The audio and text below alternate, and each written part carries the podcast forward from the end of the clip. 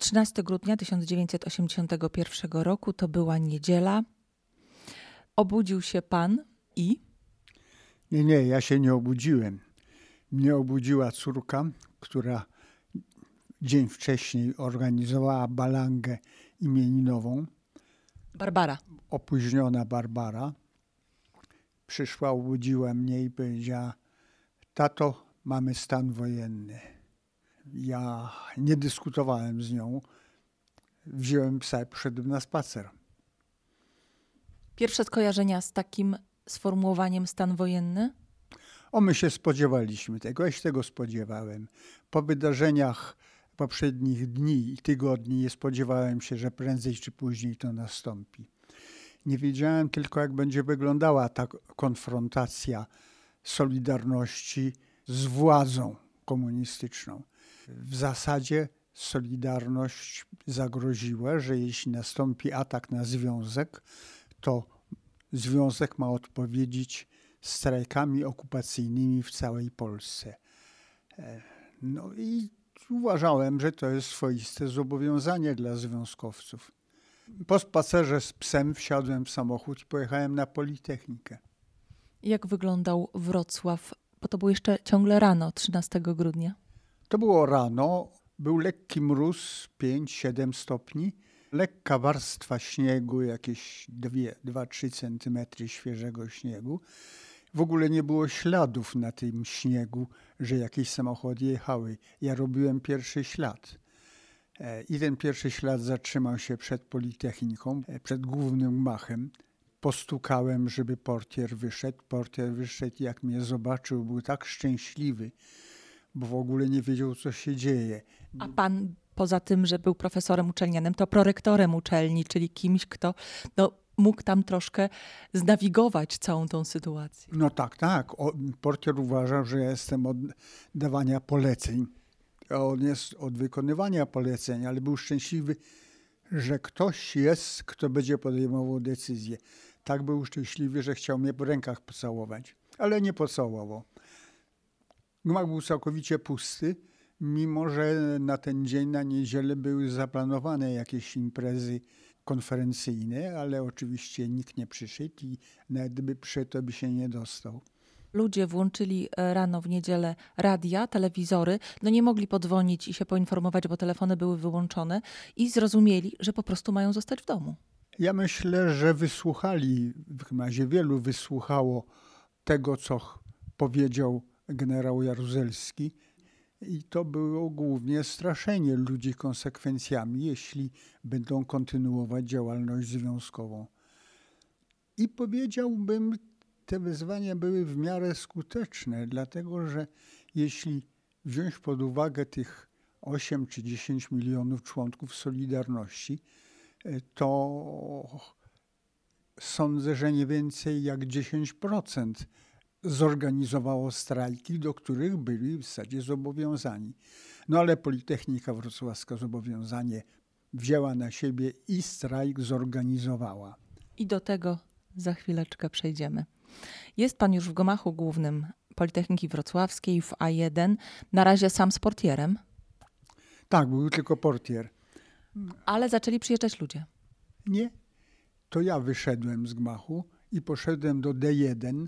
Tam był lokal Solidarności, więc ja tej Solidarności poszedłem.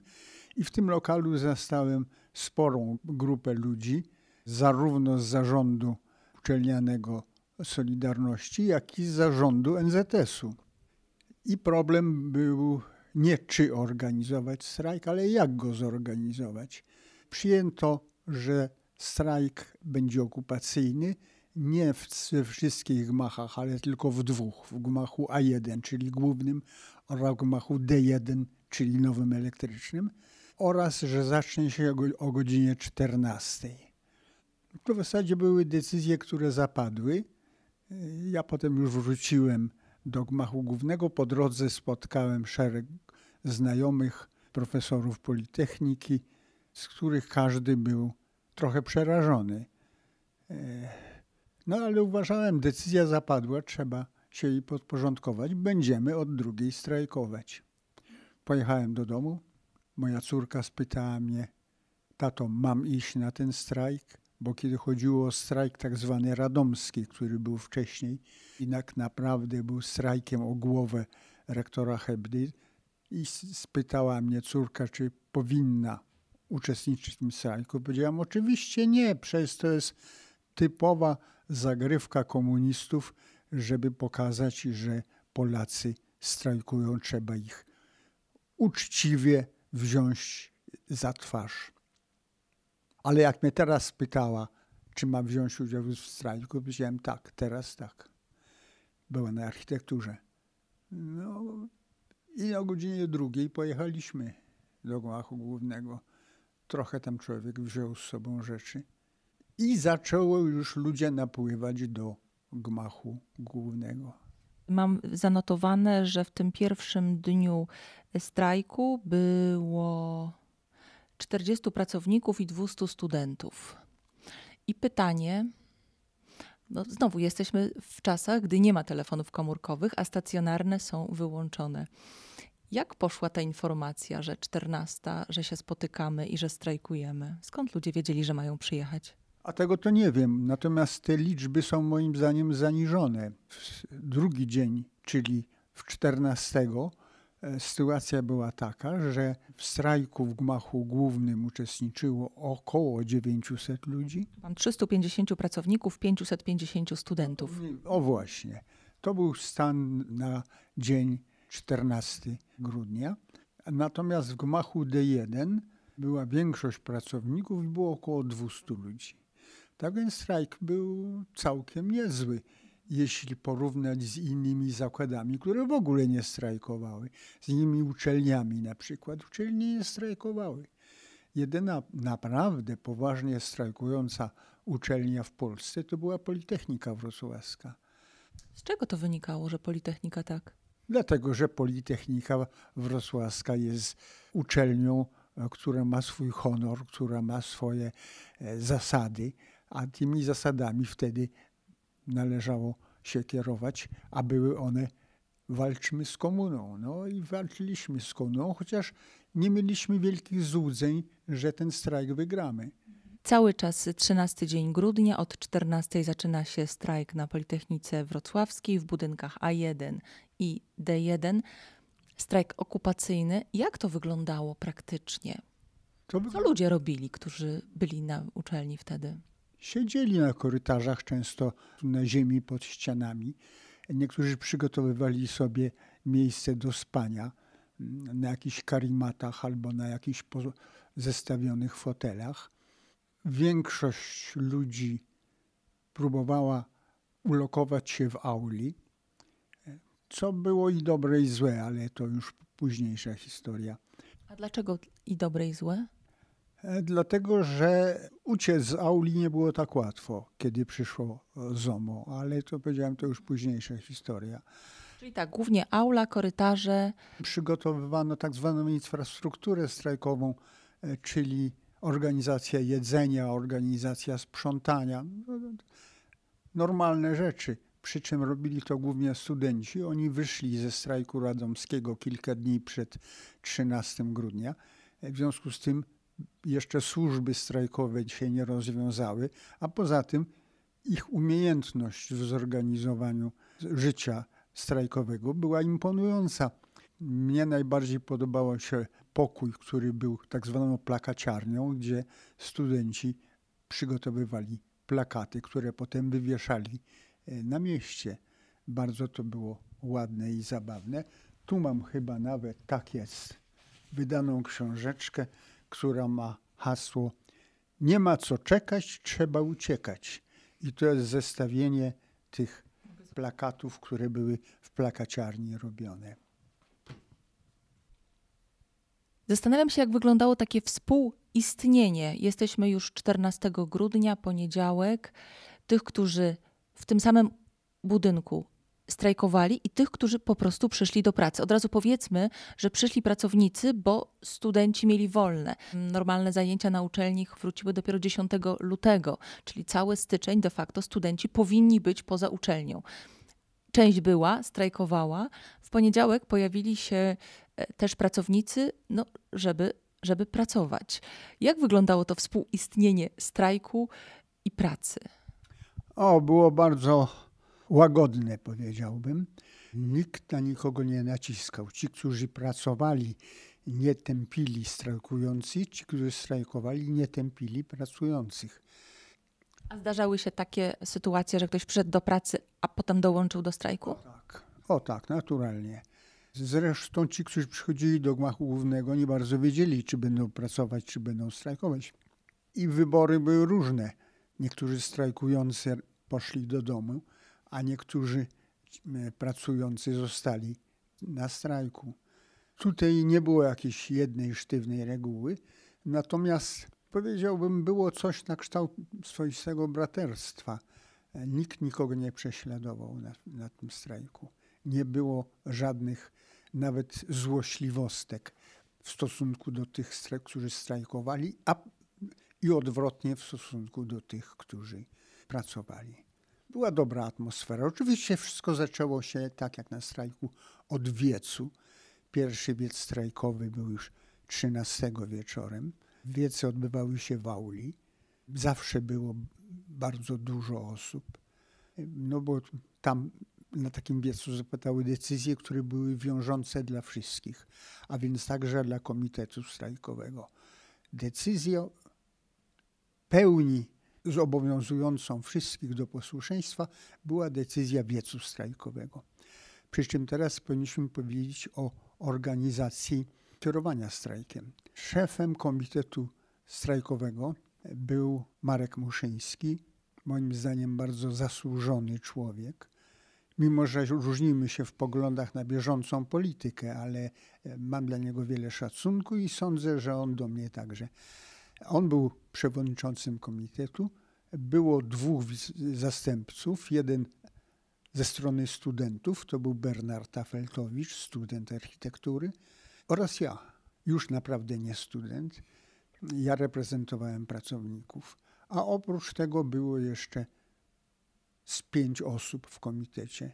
Odpowiadali za żywność, porządek, zapilnowanie bramy wejściowej, no, tego typu rzeczy. Nie było tutaj żadnych tarć. E, tarcia być może zaczęły się później, ale to już wiele miesięcy później. Wtedy wszyscy grali w jednej drużynie. Tak, wszyscy grali w jednej drużynie, rozmawiali po kątach, jak to się rozwinie i szczerze powiedziawszy, wszyscy trochę się bali.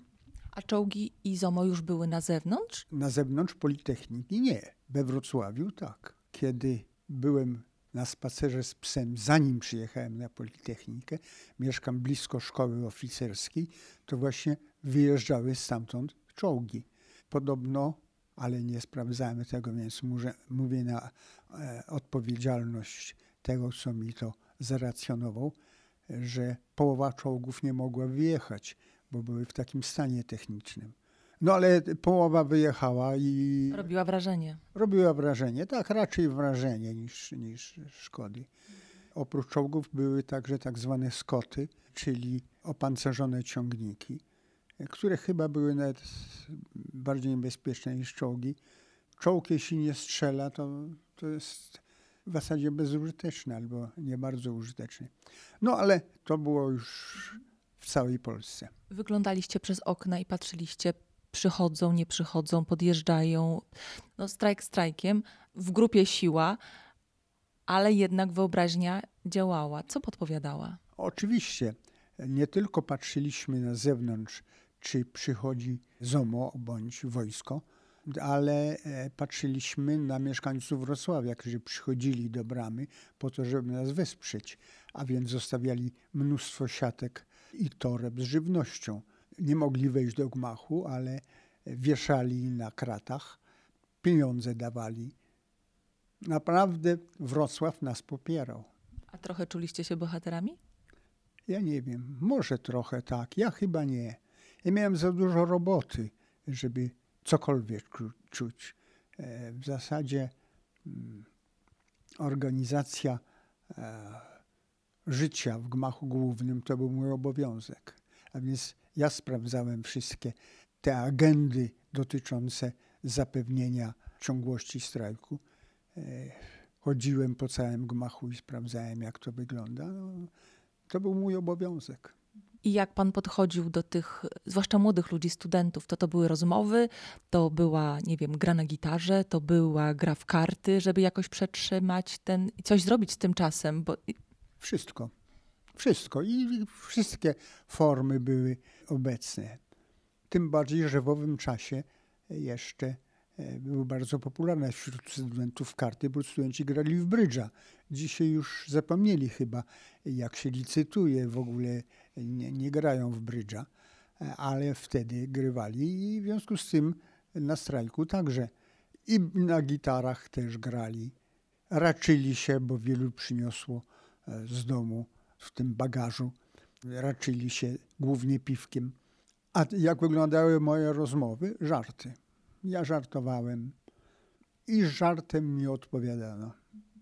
pojawiły się już jakieś naciski z zewnątrz, czyli jakieś próby wpłynięcia na pana i strajkujących, żeby, no, żeby zakończyć protest. O tak. Głównie naciski poszły na rektora, bo rektor był obecny. Profesor Tadeusz Cipser. Profesor Tadeusz Cipser, tak.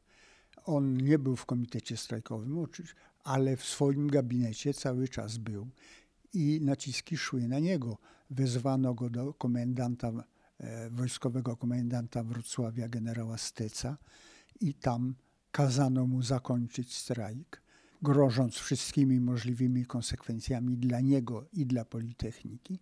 On nie mógł tego zrobić i nie chciał tego zrobić. Ale nawet gdyby chciał, to by nie, to by nie mógł zrobić. Strajk już się rozpędził, żył własnym życiem jedyną decyzją o zakończeniu strajku mógł, po- mógł podjąć wiec strajkowy, a rektor nie mógł. Ale dzielnie się spisywał, bo w swoim gabinecie był i w ciągu dnia, i w ciągu nocy. Na mnie też próbowano zrobić jakieś drobne naciski. Długą moją rozmowę z przedstawicielem wojskowych służb specjalnych miałem. On mnie trochę straszył, e, a ja udawałem, że się nie boję. Mm, Natomiast przyjęliśmy pewne zasady. Zasada była taka, że e, nie będzie użycia siły w stosunku do nas, a więc nie będzie zaangażowane ZOMO, a jeśli to przyjadą z pokazem siły przed Politechnikę i my wtedy zakończymy strajk. E, Ja wiedziałem, że to nie może trwać wieczność, wiedziałem, że trzeba kiedyś zakończyć, ale chciałem, żeby to było honorowe, żeby ludzie nie uważali, że się przestraszyli i dlatego uciekli. E, Uważałem, że to powinno być właśnie na tej zasadzie, że ludzie kończą strajk, uważają, że strajk spełnił swoje zadanie. Tym bardziej już wiedzieliśmy, że ilość zakładów strajkujących w Polsce jest stosunkowo niewielka, co tu dużo mówić. No nie udało się zakończyć strajku własną decyzją. Noc z 14 na 15 grudnia. Pierwsza w nocy, tak? No ściśle biorąc, ciekawsze były niż pierwsza w nocy, ciekawszy był ostatni wiec strajkowy, który był około północy. Ja go prowadziłem jak chyba wszystkie wiece strajkowe i, i popełniłem błąd, bo powiedziałem, że mamy zobowiązanie władzy, że nie będzie rozwiązania siłowego. E, Natomiast jeśli przyjedzie ZOMO pod gmach, to spotykamy się na kolejnym wiecu, już w środku nocy w auli i wtedy zadecydujemy. Ja wiedziałem, jaka decyzja powinna być, ale tego nie mówiłem. No i ludzie uspokojeni położyli się spać. Koło północy położyli się spać, wszyscy spali. I obudziło je właśnie pierwsza trzydzieści, coś takiego. I mnie obudziło także, bo ja w moim pokoju spałem. W moim pokoju, w którym było jednocześnie kierownictwo strajku.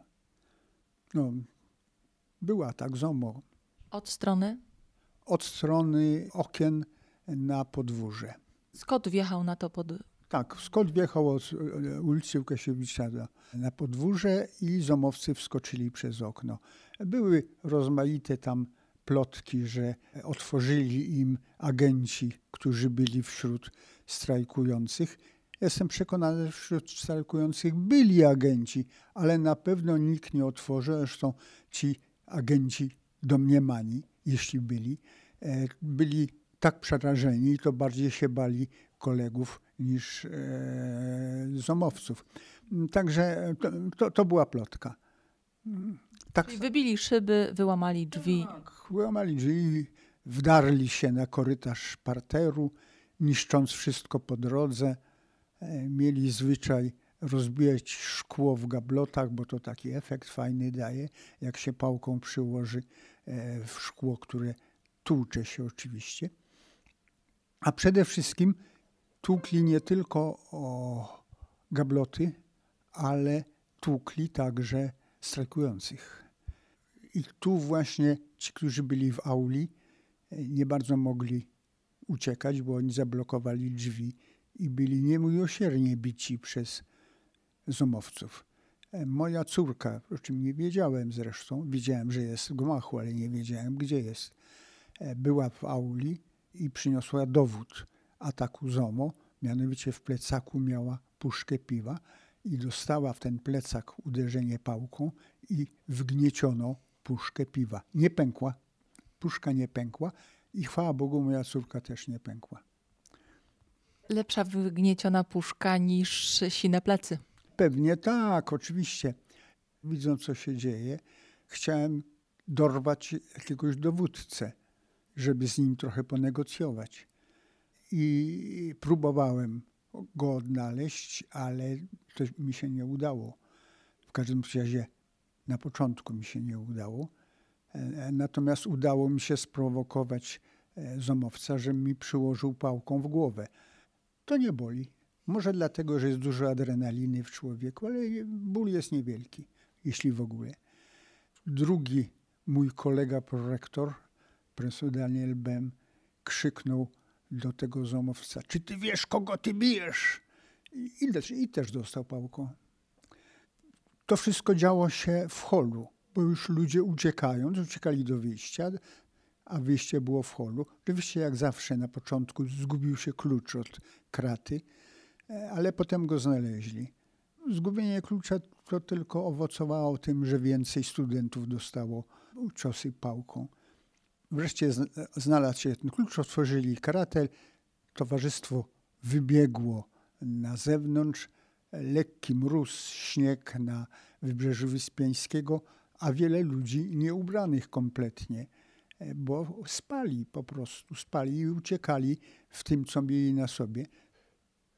Dlatego ja miałem dwa cele, jak wyszedłem z gmachu. Siedząc mnie wyprowadzili chyba z tego gmachu, ale tego już nie pamiętam. Zacząłem szukać dowódcy na zewnątrz i znalazłem. Wtedy znalazłem. A miałem dwa cele. Po pierwsze, żeby pozwolił się ubrać tym, którzy byli e, zupełnie nieubrani, a po drugie, żeby przestali bić ludzi. E, I to się udało. Ci najgorzej ubrani, czyli najbardziej rozebrani, dziesiątkami wchodzili do gmachu, pod czujnym okiem zomowców, żeby wziąć coś i okryć się. Przy czym nikt nie szukał własnych rzeczy, bo to było no, nie do zrobienia.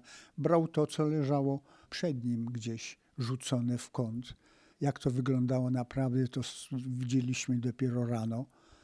No i zakładał na siebie i oczywiście wychodził. Więc udało się jako tako ubrać studentów no i potem coś trzeba było z tym tłumem zrobić. E, tłum był spanikowany, bo naprawdę uczestnictwo w szturmie ZOMO to jest przeżycie traumatyczne. Więc zdecydowaliśmy, że zaprowadzę to towarzystwo do domu akademickiego na Placu Grunwaldzkim. Tam ich zaprowadziłem. Główną część, potem jeszcze kropelkowo przychodzili inni. I zebraliśmy się w świetlicy część z nas. Trzeba było jakoś to, że tak powiem, poderwać ludzi. I poderwaliśmy jak zawsze w Polsce, czyli piosenkami. Zaczęliśmy śpiewać piosenki. Bardzo to ludziom pomogło. Ja szybko poszedłem spać. To była, prawda, godzina druga, druga trzydzieści, coś takiego. E, szybko poszedłem spać. ale nie pospałem długo, bo szybko mnie zaalarmowano, że rozbito strajk w gmachu głównym, ale nie, nie rozbito w gmachu D1. I że gmach D1 już wie o tym, że strajk jest rozbity w gmachu głównym. Co prawda nie miał łączności telefonicznej zewnętrznej, ale miał wewnętrzną łączność. I jak zadzwonili po wewnętrznej linii do gmachu głównego i odezwał się jakiś schrypnięty baryton, to wiedzieli, że, że już tam kierownictwa strajkowego nie ma. I gmach D1 powiedział, że przyjmie tylko mnie, żebym przyszedł. Wybali się, czy jakiś agent nie, nie wejdzie. No więc obudzili mnie, musiałem pójść. Która była godzina trzecia, może w pół do czwartej? Rano. Poszedłem tam o tej godzinie. Wpuścili mnie, bo mnie właśnie wpuszczali. Wszyscy byli zebrani w sali 301, to jest największa sala, pełniusieńka ludzi. Rzucił mi się w oczy biały habit jedynego księdza, który został na noc ze strajkującymi. Tym jednym księdzem był ojciec Ludwik Wiśniewski, dominikanin, który tak jak wielu kapłanów, którzy przychodzili w dzień na strajk, żeby odprawić mszę, był i odprawiał mszę w gmachu D1, ale jak widział, że ludzie są no, zdenerwowani, co tu dużo mówić, to postanowił zostać na noc. Pięknie, naprawdę pięknie się zachował. Ja go nie znałem wcześniej, ale od tego momentu zostaliśmy przyjaciółmi. Ojciec Ludwik był wspaniały wtedy, potem przez całe lata 80. był wspaniały i teraz też jest wspaniały.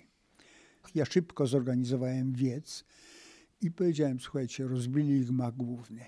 Was też rozbiją, kiedy się zorientują, że jeszcze tu jesteście. Zniszczą laboratorium. Tam są naprawdę piękne laboratoria, były w każdym razie wtedy. Proponuję, żebyśmy skończyli. Ale gdzie tam, ale gdzie tam. Wszyscy mnie wyśmieli, powiedzieli, nie, strajkujemy do końca.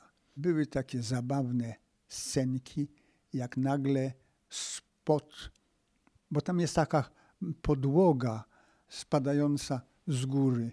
Można tą podłogę w jednym miejscu podnieść i tam zresztą pod podłogą się ukryć. I tam ukrył się jeden człowiek, zresztą nie pracownik Politechniki, z rolników indywidualnych, z Solidarności Rolników Indywidualnych. Wyskoczył wtedy i powiedział, nie zostawiajcie mnie tutaj. No, takie zabawne rzeczy. Były też takie podejrzenia, jak zawsze taka plotka, że wśród nas są agenci i mają broń. Dobrze, powiedziałem w porządku.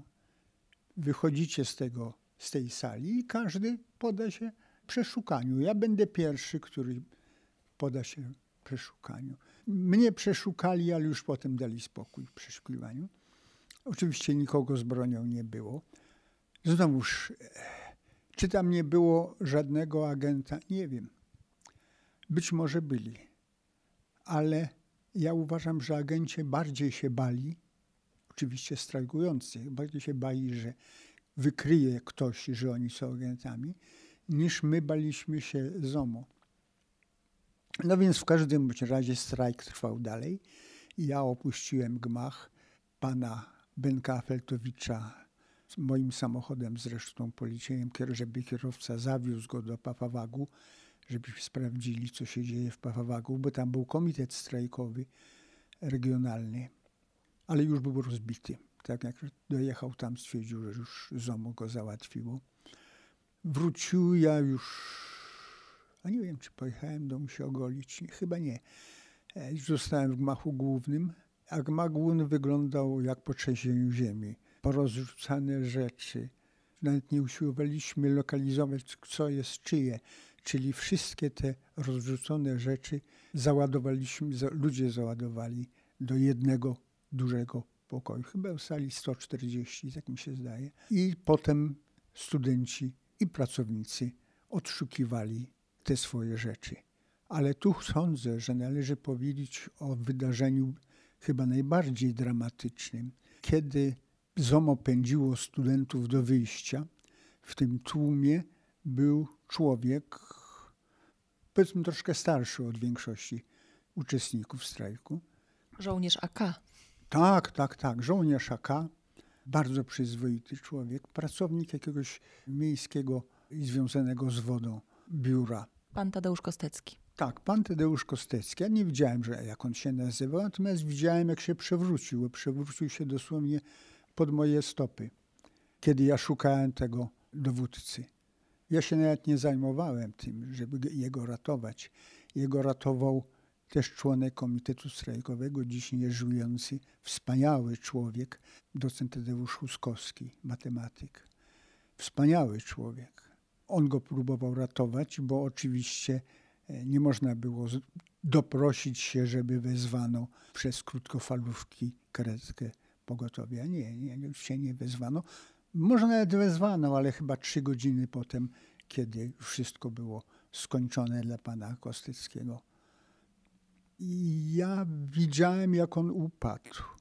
Powiedziałem, dosłownie mnie pod nogi. Natomiast jedna studentka potem mówiła mi, że widziała, że zanim upadł, dostał pałką i ten zomowiec krzyknął, tobie też się zachsiewa strajkowania? Tego nie widziałem, ale mam taką relację. Koło godziny 11 przyjechał dość wysoki funkcjonariusz policji, bo jest wypadek śmiertelny, to musi być śledztwo. I on mnie przesłuchiwał. Oczywiście nie kryłem swoich poglądów, a on, wysłuchawszy je, powiedział: Proszę pana, no, przyjmuję do wiadomości to, co pan powiedział, ale proszę nie liczyć, że cokolwiek z tego będzie. Nic nie będzie. Ciekawe, to był przyzwoity człowiek, potem staliśmy przyjaciółmi. Takie nieoczekiwane dość. Takie nieoczekiwane, ale może dlatego bardzo trwałe, bo trwają do dzisiaj. Można powiedzieć, że na tym kończymy relację z tego, jak wyglądał strajk na Politechnice Wrocławskiej, acz prosi się jeszcze o konsekwencje. Konsekwencje osobiste, bo najpierw e, stracił pan stanowisko, czyli e, jeszcze w grudniu przestał być prorektorem, no a na początku stycznia został pan aresztowany. A ja sądzę, że e, pierwsi, którzy zapłacili za ten strajk, to była grupa ludzi, którzy schowała się w podziemiach gmachu A1 i tam ich, że tak powiem, nakryło ZOMO. Wyprowadziło i oni pierwsi spotkali się z konsekwencjami. Mianowicie postawiono ich już rano 15 przed kolegium i kolegium ich zasądziło jakieś pieniądze. To, to chyba dość duże pieniądze, już nie pamiętam ile, ale w każdym bądź razie mieli bądź odsiedzić jakiś czas, bądź zapłacić kolegium. Dowiedziałem się o tym, wziąłem pieniądze, pojechałem i ich wykupiłem. Rozumiem, że odsuwa Pan siebie i, i konsekwencje wobec swojej osoby. To chwilkę jeszcze o studentach. Po 68 roku, po strajkach studenckich w 68 roku, dużo studentów było relegowanych. Udział w strajku złamał im życie, złamał im karierę. To były bardzo poważne konsekwencje, choć w niektórych przypadkach udawało się poodwracać to wszystko i. Niemal w 100%. Niemal w 100%. Nie, nie, te konsekwencje wyglądały bardzo poważnie wtedy, e, ale w sumie powiedziałbym dzięki postawie ówczesnego rektora, wielkiego komunisty, profesora Tadeusza Poremskiego, który chciał, aby te blizny protestu studenckiego z roku 68 jak najszybciej wyleczyły się. A jak było z konsekwencjami po tym strajku w 81 roku wobec studentów? No przede wszystkim wobec uczelni, dlatego że uczelnie zamknięto, jak wszystkie uczelnie w Polsce. Konsekwencje były w stosunku do studentów takie, że 2 e, stycznia 1982 zrobiono wielką, wielką akcję esbecką. Chyba ona miała kryptonim Soku, która polegała na internowaniu studentów, tych najbardziej czynnych w NZS-ie, najbardziej czynnych w strajkach. Ich internowano drugiego, a czwartego była nowa akcja, która chyba miała hasło szok, bo wtedy internowano, powiedział mi, intelektualistów wrocławskich, a więc dyrektorów szkół, pisarzy i poetów, profesorów uczelni. Był internowany także profesor Cipser. Dużo ludzi było internowanych. No, wyglądało to w ten sposób, że przed godziną dziesiątą w nocy było walenie do drzwi. Przychodził Esbek w obstawie mundurowych i robił przeszukanie, które trwało różnie, w zależności ile rzeczy miał do przejrzenia. Ale na ogół jakieś 3-4 godziny. Potem zabierał delikwenta na tak zwany dołek, czyli do aresztu SB. Ale może jeszcze należałoby powiedzieć o czym innym, co nastąpiło wcześniej. To chyba było 16, może 17 grudnia. Zostałem wezwany do Warszawy. Tak dalece, że nawet mi dali benzynę do samochodu, a to był bardzo deficytowy towar w owym okresie. Pojechałem samochodem do Warszawy i naprawdę nie wiedziałem, co mnie czeka, bo mnie mogły czekać różne rzeczy. Mogły czekać bardzo ostre represje, mogły czekać łagodne represje i mogły czekać propozycja współpracy. Mogła też taka, taki wariant brałem pod uwagę. Co będzie z tych możliwych wariantów, to szybko się przekonałem. Na korytarzach Ministerstwa Edukacji Narodowej, które odpowiadało także szkolnictwo wyższe, nagle zobaczyłem, że ludzie, którzy mnie znali tam, nawet dobrze znali, jak widzą mnie na korytarzu, to uciekają. O, powiedziałem sobie, to już wiem, co to będzie. I rzeczywiście przesłuchiwał mnie dyrektor Departamentu Szkół Wyższych, pan Derentowicz oraz generał, który był komisarzem wojskowym w ogóle uczelni wyższych. Było bardzo przykre. Chodziło o to, żeby mnie złamać, żebym podał nazwiska członków komitetu strajkowego. Ja mówię, panowie, nie mogę. No powiedzcie, co na moim miejscu byście coś takiego zrobili. Ja się golę codziennie i chcę patrzeć w twarz przyzwoitego człowieka. No nie mogę wam tego podać. No to usłyszałem, co o mnie myślą a ten drugi, właśnie ten generał, nazywał się Włodarczyk. Do dziś pamiętam. Był profesorem. Ja mu powiedziałem, panie generale, pan tak traktuje kolegę profesora? O, ktoś, kto występuje przy władzy ludowej, nie jest moim kolegą. Dobrze, nie byłem. No w każdym bądź razie powiedzieli, że z dniem dzisiejszym przestaje pan być prorektorem. Dobrze, byłem pierwszym prorektorem w Polsce usuniętym. Wtedy była taka moda, że przez radio informowali, którego dyrektora usunięto, którego profesora usunięto. Ja byłem, ja spadłem, że tak powiem, z mikrofonu, już jadąc z powrotem do Wrocławia, usłyszałem o sobie, że zostałem odwołany z tego stanowiska, no i że mam pełnić obowiązki, póki nie zamianują nowego. Dobrze. Tak było, pełniłem. Ale pełniłem właśnie względnie krótko, bo jak powiedziałem, czwartego. E, Zapukali. Tak, już mnie wtedy wzięto, to już nie musiałem nic pełnić. Jak wyglądały represje w stosunku do studentów, widziałem, dlatego że e, jeszcze przed końcem roku e, złapano jednego studenta Politechniki, pana Książczaka, jak rozrzucał ulotki postawiono go przed sądem wojskowym i dostał 4 lata. Naprawdę. Dosłownie. Za ulotki. Tak, za ulotki. Dostał 4 lata. E, ja byłem na tej rozprawie, bo jeszcze pełniłem obowiązki. Już nie byłem prorektorem, ale jeszcze pełniłem obowiązki prorektora. Byłem na tej rozprawie. I sędzia po tej rozprawie poprosił mnie do gabinetu i powiedział, proszę pana, ja muszę, ja muszę. Nam kazali. No więc właśnie, niektórym sędziom kazali i oni musieli. No ale to już późniejsza historia, jeśli idzie o mnie. E, nas po paru dniach po internowaniu 4 stycznia 82 wywieźli z Wrocławia, część do Grodkowa, część do Nysy. Ja trafiłem do Nysy. W bardzo dobrym towarzystwie, naprawdę. Wspominam to bardzo dobrze. Czarek Łagiewski z telewizji był, pewnie pani go zna. Znam. Mhm. Bardzo fajnych ludzi.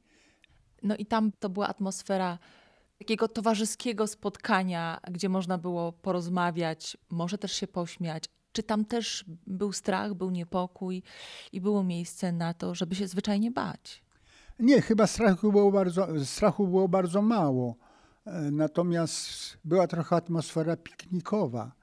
Na przykład obsługa w rozdzielaniu żywności przechodziła z rąk służby więziennej w ręce tych zatrzymanych i oni też zmieniali się, a więc był dzień rektorski, kiedy to rektorzy rozdawali e, jedzenie.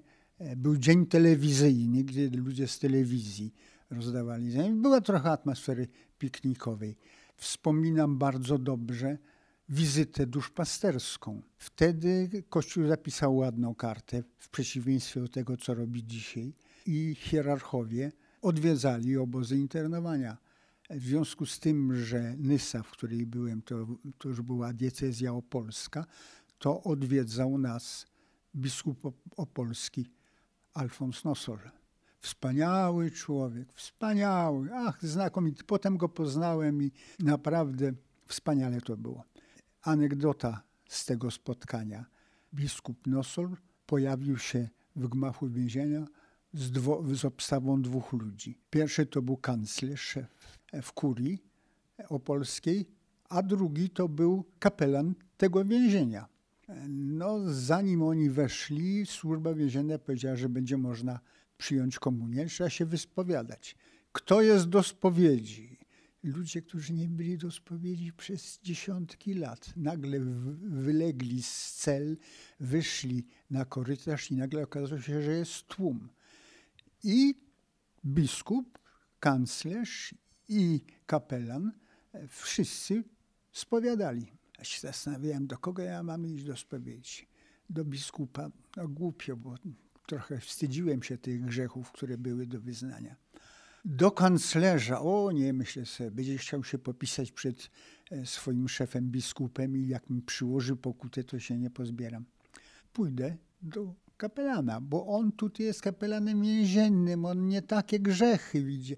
To on, jemu najbezpieczniejszy człowiek. I poszedłem do niego. Jak mi przyłożył pokutę. Coś strasznego. Wychodzę z tej spowiedzi i spotykam kolegę, który był z kolei u kanclerza. Pytam go, co ci dali na pokutę? A on z zapasa wyjmuje tabliczkę czekolady. Więc. Zły wybór. A on był u kanclerza. No ale to też, ten pobyt w Nysie też był względnie krótki.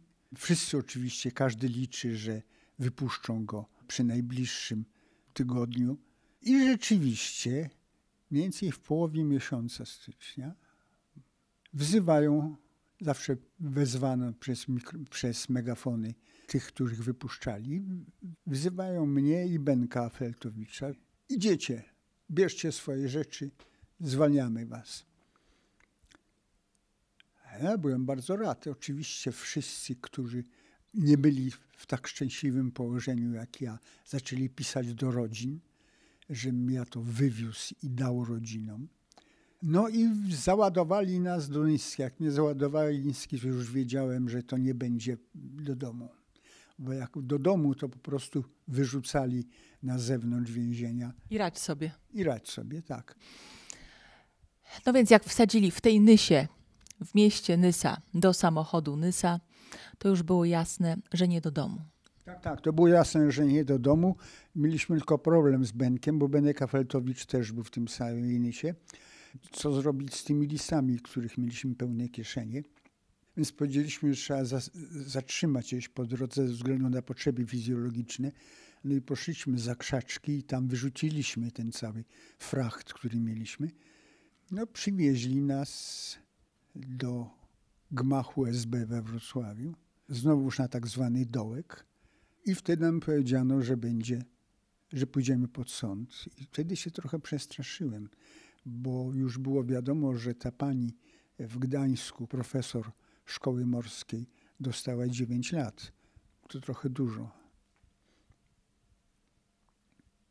No ale cóż było robić? Leżałem na pryczy śmierdzącej. Okropnie śmierdzi tam te prycze i te materace. Leżałem na tym i trochę, trochę się bałem. Ale tam jest taka sytuacja, że okienka tych cel wychodzą wszystkie na takie podwórko malutkie e, I jak ktoś krzyknie z, jednego, mm, z jednej celi, to je wszyscy słyszą. I wtedy ktoś z osadzonych, czyli z tych zamkniętych, nie wiem czy kryminalista, czy e, też polityczny, jak krzyknął, proszę wybaczyć mi brzydkie słowo, wolności albo pojebać. Tak się zacząłem śmiać. To zestawienie było takie, no oczywiście wulgarne, ale takie śmieszne, że od tego momentu przestałem się bać. To był bardzo taki otrzeźwiający moment. Aha, jeszcze jedną rzecz chyba powinienem powiedzieć, żeby być sprawiedliwym. Bowiem oczywiście psy wieszamy na SB-kach, słusznie. Ale oni już też czuli, że sprawa, ich sprawa wygląda kiepsko, że to zbliża się do końca. I kiedy mnie internowano, przywieziono na SB i tam pierwsza rozmowa rankiem z SB-kiem, tym zresztą, który robił u mnie przeszukanie w domu, no, próbował normalnie po esbecku, żem coś mu tam powiedział. Ja nie powiedziałem mu wiele. Kiedy skończyliśmy rozmowę, z tego pokoju, gdzie była rozmowa, do drzwi aresztu, które są takie stalowe, nieładne, było jakieś 15 metrów. I on, zanim doszliśmy, powiedział: Panie profesorze, my się już pewnie nigdy nie zobaczymy, ale chcę panu powiedzieć, że jestem dumny, że mogłem pana poznać. To też dodało mi, że tak powiem, odwagi. I takich zdarzeń później było sporo, różnych. Myślę, że pozytywnym zdarzeniem już w trakcie procesu było to, że ten proces odbywał się przy takim dużym wsparciu przyjaciół, znajomych, ale ludzi, którzy uznali, że warto wybrać się do sądu, chociażby po to, żeby pokazać, że są z Panem. O tak, o tak. Przygotowanie procesu trwało dość długo, e, więc rozmowy z prokuratorem, chyba się Gajewski nazywał, ale był z tak zwanej grupy Tygrysów. To była ta grupa prokuratorów nastawiona na działaczy Solidarności. Szefem tej grupy Tygrysów był nieżyjący nieżyjący dziś człowiek. Wybaczam mu. Pewnie potrzebuje tego wybaczenia. Pan prokurator Kremis nazywał się. No więc przygotowali ten proces. E, rodziny załatwiły obrońców, którzy byli wspaniali, nie brali pieniędzy w ogóle za obronę. E, mnie bronił numer jeden dosłownie, dziekan korpusu adwokackiego Stanisław Afenda, wspaniały człowiek, nieżyjący dzisiaj wspaniały człowiek. Kilka wizyt miał u mnie w więzieniu. Kiedy się zbliżał już pierwszy dzień procesu, powiedział, proszę pana, niech pan się nie zdenerwuje, jak pana wprowadzą na salę, dlatego, że będzie radio, telewizja, więc może pana to speszyć. Ale mnie zupełnie co innego objawiło się tego dnia, kiedy nas prowadzili z aresztu, który jest w podziemiach, na salę sądową. Bo oczywiście zrobili w największej sali. To miała być pokazówka, że w tym kraju nikt nie jest poza prawem, że w tym kraju każdy, kto przekroczy prawo, będzie ukarany. To był taki proces przeciwko miastu. Kiedy nas prowadzili, ja już słyszałem taki dziwny szum. Ten szum to był tłum ludzi na korytarzu przed tą salą. Niebywały tłum nie szło nam przejść przez ten tłum. Tu idzie obstawiona przez policję grupa aresztowana, a nie może przejść, bo jest taki tłum ludzi. I krzyki, kwiaty, które nas obrzucają, dziewczyny płaczą, krzyczą: Trzymajcie się, jesteśmy z wami. No, demonstracja niesamowita. SBC oczywiście przerażeni. Nie mogli punktualnie rozpocząć procesu. No ale wprowadzili nas w końcu na tą salę, a na ławie oskarżonych przed każdym siedzeniem wielkie bukiety biało-czerwonych goździków. No coś wspaniałego. Nie udał się władzy ten proces. Nie udał się, bo to, to nie był proces przeciwko miastu, mimo że każde posiedzenie sądu było relacjonowane przez prasę, która oczywiście odsądzała nas od czci wiary ale to był właśnie proces solidarności z oskarżonymi. Świadków oskarżenia było dużo. Żaden nie zeznawał przeciwko oskarżonym. Żaden. Nikt. Nikt. Zarzut był taki, że był pan organizatorem. Trwałym działaczem związkowym, nie zaprzestałem działalności związkowej i zorganizowałem strajk. Na początku zresztą było nas więcej, bo jeszcze Tadeusz Huskowski, Zdzik Przywoźny e, byli potem do odrębnego postępowania skierowani ze względu na chorobę serca. Także w końcu na tej sali sądowej na wyrok czekały trzy osoby. Benek Apeltowicz, Andrzej Olszewski i ja. I znowuż zdarzeń zabawnych mnóstwo. Pierwsze zdarzenie zabawne, które, które świadczy o mojej głupocie. Będąc w więzieniu, korespondowałem z innymi celami. To się koresponduje przez tak zwanego konia. Rzuca się tym koniem, to jest szczotka wysuwana przez kraty. Z drugiej celi przerzucana jest na sznurku korespondencja. I ja też napisałem do Benka Feltowicza i między innymi napisałem o przesłuchaniu przed prokuratorem, którego jeszcze on nie doświadczył. I napisałem młody człowiek, taki ostry, nie wkurwiaj prokuratora. Złapali ten gryps. Więc oczywiście szczęśliwi na sali sądowej ma być odczytany gryps oskarżonego. Niech sam oskarżony go odczyta. No więc, proszę bardzo, odczytałem. Odczytałem pełnym głosem, nie wkurwiaj prokuratora. A obecny, zresztą na każdym posiedzeniu sądu obecny, pomocniczy biskup, biskup Adam Dyczkowski, na wszystkich sesjach był sądowych. Siedział koło, nie żyje dzisiaj niestety, pani Łopuszański, profesor matematyki tutaj z Politechniki. On nie dosłyszał i pyta, co, co, co? A pani Łopuszańska, dama taka wspaniała, spokojnie powiedziała, nie wkurwiaj prokuratora. A ksiądz biskup powiedział, to nie grzech, to nie grzech. Więc to był dowód nastrojów. Ale może jeszcze większy dowód nastrojów był w momencie, kiedy były już mowy i obrońców, i prokuratora. No, po mowie Afendy, mojego obrońcy, to pół sali płakało. Wspaniałe przemówienie. Sąd ma się udać na naradę.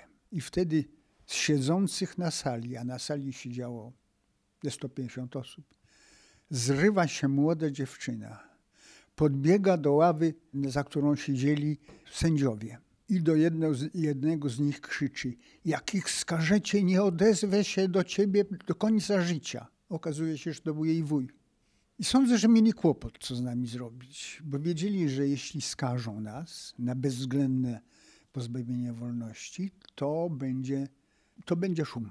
A więc nam skazali z zawieszeniem to trzeba było... To prokurator żądał sześciu lat, prawda? Bo tam było to sześć lat, w tym również niepełnienie obowiązków publicznych, w tym również zawieszenie w wykonaniu pracy nauczyciela i tak dalej. Tak, tak. Mnie chcieli, e, żebym sześć lat miał. To trochę długo. Jak usłyszałem to, bo to się słyszy, prawda, jak on, jak żąda prokurator, to wydawało mi się, że trochę długo. No, ale w każdym bądź razie sędziowie mieli z nami kłopot co z nami zrobić. I w końcu w dwóch krokach nas potraktowali łagodnie. Krok pierwszy to było zakończenie systemu doraźnego, bo w systemie doraźnym nie można było zawieszać wyroków. Więc oni, jak to się mówi, odtrybili. Tryb doraźny przemienili na zwyczajny. I w ramach tego zwyczajnego już trybu dali nam wyroki z zawieszeniem. Ja dostałem dwa lata w zawieszeniu na trzy. Chyba na trzy, może na pięć. Wszyscy dostaliśmy wyrok, wszyscy w zawieszeniu. I znowuż humorystyczna sytuacja. Ci, którzy byli na sali, usłyszeli wyroki, triumfują, no, że nasi wyjdą. I czekają na nas. Wyszli z sali, ale stoją pod gmachem sądów, bo wiedzą, że za chwilę otworzą się te żelazne wrota i my wyjdziemy i oni chcą nam zrobić wspaniałą fetę.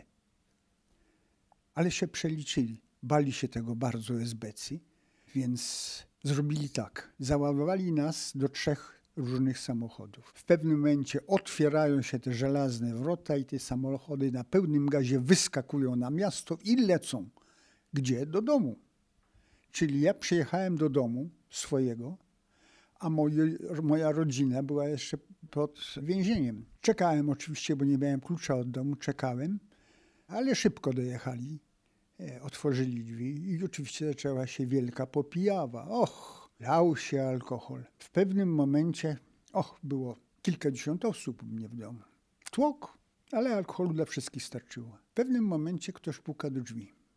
Ja otwieram i widzę Esbek, który siedział na sali i nagrywał cały proces. Mówi, panie profesorze, przyniosłem panu kopię i dał mi kopię tego nagrania. I ma pan do tej pory? Chyba mam, chyba mam. To był znak, że ten system się wali, że ci funkcjonariusze tego systemu. Mimo, że to absolutny początek stanu wojennego, który miał jeszcze trwać półtora roku. A władza komunistyczna jeszcze znacznie dłużej, osiem lat jeszcze miała rządzić. Ale oni już czuli, że się kończy. Zresztą e, ja uważałem, że dali mi wyrok, zatrzymali mnie w kryminale parę miesięcy, dali mi wyrok, to teraz moja kolej, żeby im przyłożyć. Była w ogóle śmieszna sytuacja, że ci najbardziej winni, oskarżeni, zostali zwolnieni na zasadzie wyroku w zawieszeniu, a ich koledzy, którzy byli jeszcze w internacie w Nysie, w dalszym ciągu siedzą. Więc myśmy ich odwiedzali. Ale aha, przypomniałem się zdarzenie, nie wiem, co o czym świadczy. W jednej celi w Nysie byłem z Lotarem Herbstem. Mój pierwszy szef. Tak, Lotara znałem świetnie, my nazwaliśmy go Ślepak, bo miał kłopoty z okulary zawsze jak denka od butelek. Bardzo nam się dobrze razem e, było w tej cali. Ja chyba byłem na, w górnej pryczy, on był na dolnej. Kiedy nas zabrali, niby, że idziecie do rodzin z powrotem, zwalniamy was z internatu i wszyscy uważali, że jesteśmy szczęściarzami, to następnego dnia rano mówi Lotar do kolegów, słuchajcie, Andrzej siedzi w kryminale. Andrzej odwiedził mnie w nocy i powiedział, że siedzi w kryminale. A gadasz głupoty. Ale jak przyszła niedziela wizyt, przyjechali ludzie z Wrocławia, powiedzieli, Andrzej siedzi w kryminale. Trochę metafizyki. Tak, autentyczne zdarzenie. Takie to więzi buduje e, wspólne aresztowanie. Oczywiście. Ja odwiedzałem także moich byłych kolegów, e, z, którzy siedzieli jeszcze w Nisie. Jednemu, Wojtkowi Myśleckiemu, przywiozłem prezent. Wiedziałem, co Wojtek lubi, w związku z tym przywiozłem mu litr spirytusu. Ale jak? Przecież w niedzielę wizyta, ale jak ja wniosę ten litr spirytusu? Robiło się to w ten sposób, że puszkę soku do dziś pamiętam nazwę, nazywał się Dodoni. Robiło się dwie dziurki, wylewało się ten sok albo wypijało, a przez te dziurki dwie wlewało się spirytus i potem zalutowywało. Bardzo to dobrze wyglądało. Ja taką puszkę zawiozłem Wojtkowi i w celi wypili ten litr spirytusu i zrobiła się taka awantura, że musieli tak zwaną atendę, czyli specjalny oddział który e, dyscyplinuje więźniów, musieli wezwać, żeby ich zdyscyplinował. A więc było wesoło, po prostu było wesoło. No potem oczywiście próbowałem trochę odpłacić im. W związku z tym tak na przemian czasem mnie zamykali, czasem mnie się udało im coś, jakiegoś psikusa sprokurować. A zamykali mnie 8, może 10 razy to na 48 godzin, ale to nie jest przyjemne. Z domu czy z pracy? Zawsze z domu. Z reguły o godzinie 6 rano, no bo wtedy mogą już. Znowuż zdarzenie. Każda instytucja, Politechnika także, miała tak zwanych oficerów obiektowych z SB. Politechnika miała trzech. Szefem był niejaki kapitan Nisner. I jeszcze dwóch było. Zamknęli mnie kiedyś, rano przyjechali, oczywiście rewizja szybka, a miałem tych papierzysk mnóstwo, więc cały worek zabrali, zawieźli mnie, siedzę w celi przejściowej i myślę, co mnie czeka. W pewnym momencie uchylają się drzwi od tej celi przejściowej, wsadza głowę jeden z oficerów obiektowych i mówi, Panie profesorze, pan nawet nie wie, jak się wszyscy cieszymy w departamencie, że nic takiego złego u pana nie znaleźliśmy. Więc oni też czuli, że to się kończy. A pan miał wrażenie wtedy, że to się kończy? Bo teraz, jak patrzymy na to z perspektywy 40 lat, to może wydaje się trochę bardziej oczywiste. Ale naprawdę wierzył pan wtedy, że to się skończy w jakiejś dającej się przewidzieć przyszłości? Śmieszne. W roku 87, tuż przed przewrotem naszym, przyjechał jakiś dziennikarz ze Stanów Zjednoczonych, robił ze mną wywiad i pytał mnie, jak pan sądzi, kiedy ten komunizm w Polsce się skończy? Ja mówię, może pan powiedzieć za 5 lat albo za 50, nie wiem. Skończył się półtora roku. Wcale nie byliśmy pewni, że to się skończy. Brał pan udział w e, wydarzeniach marcowych, w strajku na Politechnice w 1968 roku. To był strajk studencki, ale część kadry, część pracowników, naukowców również wspierała studentów w ich e, działaniach, w ich proteście.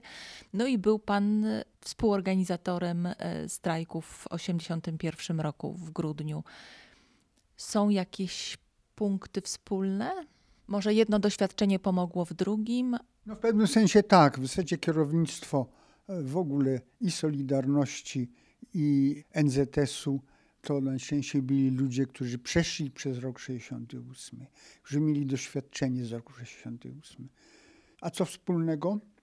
Organizacja strajku. Bardzo dobra. I 68, i 81. Bardzo dobra organizacja. Studenci to robili świetnie, perfekcyjnie. Ci, którzy wspominali 68 rok, mówili, że ta perfekcyjna organizacja być może jest pokłosiem rajdów studenckich i tego, że studenci potrafili robić takie wielkie, wielotysięczne imprezy, więc zwyczajnie byli dobrymi logistykami, więc to zagrało. Może tak, ale sądzę, że też zagrało to, że mieli wspaniałe kierownictwo. Naprawdę strajk z 68 roku miał wspaniałe kierownictwo. Szefową była dziewczyna Kaśka Surmacz, twardochleb po mężu, nieżyjąca niestety dzisiaj.